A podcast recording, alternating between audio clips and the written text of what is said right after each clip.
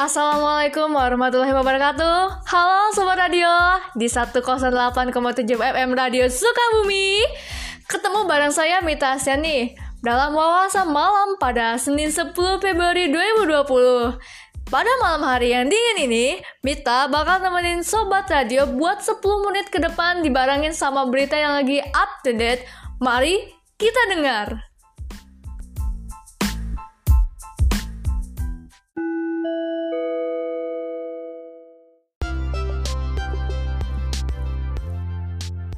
Berita pertama datang dari koran Kompas. Pakistan dikabarkan akan membeli banyak minyak sawit dari Malaysia. Kabar itu dibenarkan oleh Perdana Menteri Khan yang berkunjung ke Kuala Lumpur pada Selasa 4 Februari 2020 lalu. Wow, katanya langkah itu semacam kompensasi bagi Kuala Lumpur setelah India membatasi impor sawit dari negeri jiran itu, Malaysia. Katanya pembatasan itu terkait dengan kritik Malaysia kepada India tentang undang-undang kewarganegaraan yang berbasis agama, serta kebijakannya tentang Kashmir. Sebelumnya, Pakistan telah membeli sekitar 135 ribu ton minyak sawit Malaysia pada bulan lalu dan berencana untuk membeli lebih dari negeri jiran itu Jumlah yang akan dibeli dikabarkan akan lebih dua lebih besar dari sebelumnya. Mari kita berharap uh, untuk negeri Malaysia sendiri dan juga India bisa rukun kembali tanpa terjadi adanya permusuhan yang berkepanjangan. Sekian berita yang akan saya sampaikan untuk saat ini. Mari kita istirahat untuk sejenak.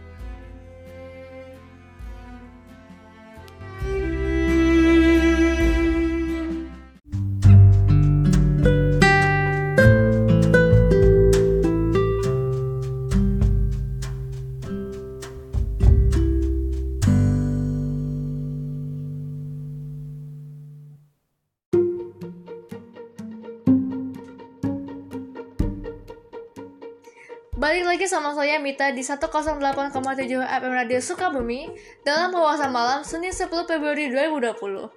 Di sini saya akan langsung sambung berita yang tadi sempat tertunda. Berita yang kedua ini datang dari koran Kompas. Dikabarkan adanya narapidana yang kita namai Y secara tidak langsung mengontrol perdagangan ganja yang terjadi di Aceh dari Barik Jeruji.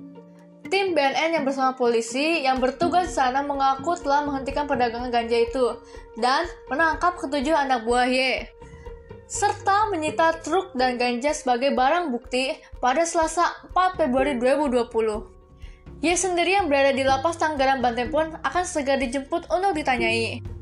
Diduga alasan Y bisa melakukan transaksi itu berkat telepon selulernya, yang mana ia menghubungi anak buahnya untuk melakukan perdagangan itu. Kenapa hal itu bisa terjadi? Karena sebelumnya sebuah kasus ditemukan di dalam lapas uh, Banten itu terkait dengan pemasangan WiFi yang yang di mana itu akan memudahkan Y untuk melakukan transaksi. Menanggapi lemahnya pengawasan terhadap lapas, Wakil Ketua Komisi 3 DPR Praksi, Partai Nasdem Ahmad Sahroni berpendapat untuk menggelar rapat perihal aturan penggunaan alat komunikasi untuk para narapidana dan berencana untuk membatasi penggunaan alat komunikasi untuk para napi. Wah, sangat mengejutkan ya, di mana para narapidana yang harusnya merenungkan perbuatan mereka di dalam sel malah melakukan transaksi ilegal yang seperti itu. Menarik. Next.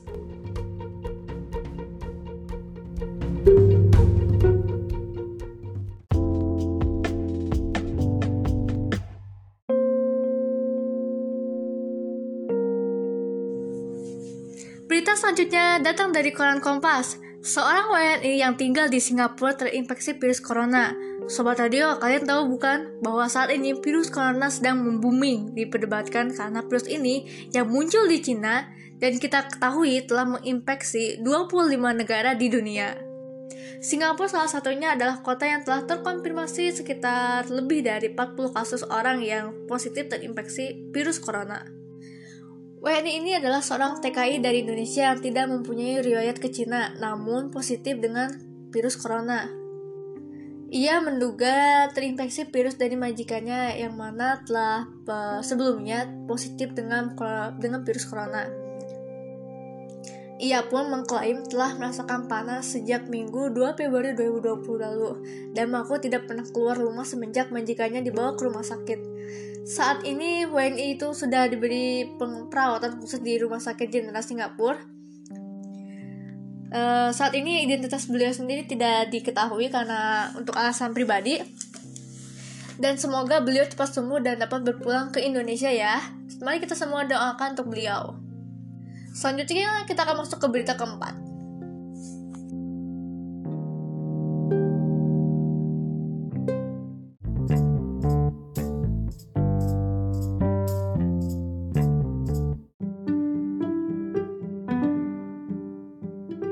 Berita ini datang dari kompas.com.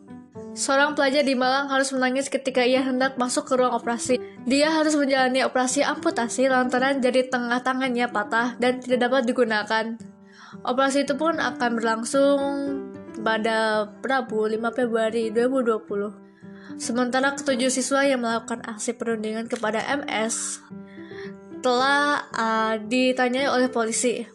Polisi mengatakan bahwa aksi dari ketujuh siswa itu dilatar belakangi dengan motif bercanda. Kejadian dilakukan pas jam istirahat dan menurut para saksi yang melihat eh, kejadian itu, MS dibanting ke lantai paping dan sempat dilempar ke pohon.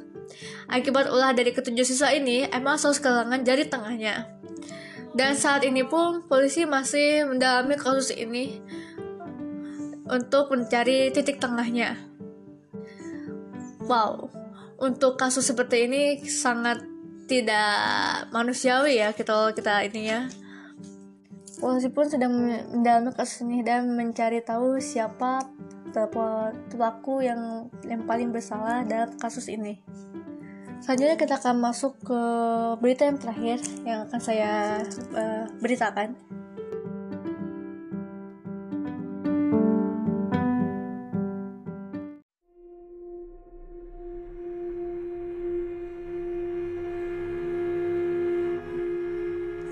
Oke okay guys, nggak kerasa ya saya udah lama nemani sobat radio pada malam hari ini. Selanjutnya ada berita terakhir saya yang akan saya sampaikan. Dikabarkan bahwa Bribka Raji Radiansa jatuh pingsan dan meninggal pada sesi lari di Stadion Pahoman. Dan ia pun dirujuk ke Rumah Sakit Bumi Waras pada Selasa Februari 2020. Bripka yang saat itu sedang mengikuti tes kesamaptaan untuk meningkatkan jenjang karirnya ke tingkat perwira di sekolah inspektur polisi.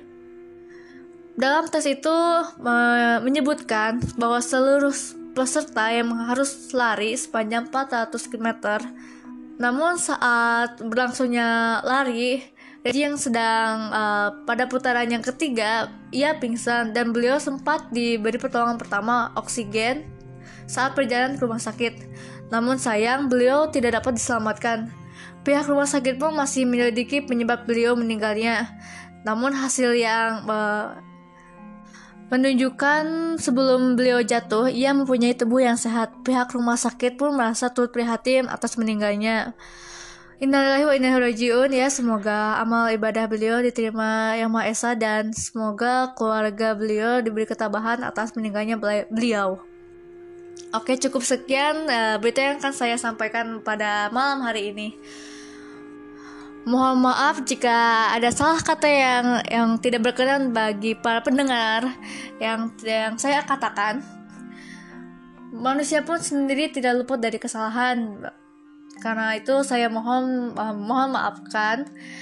Wassalamualaikum warahmatullahi wabarakatuh. Jumpa lagi nanti pada sesi selanjutnya di 108,7 FN Radio Sukabumi. Beep.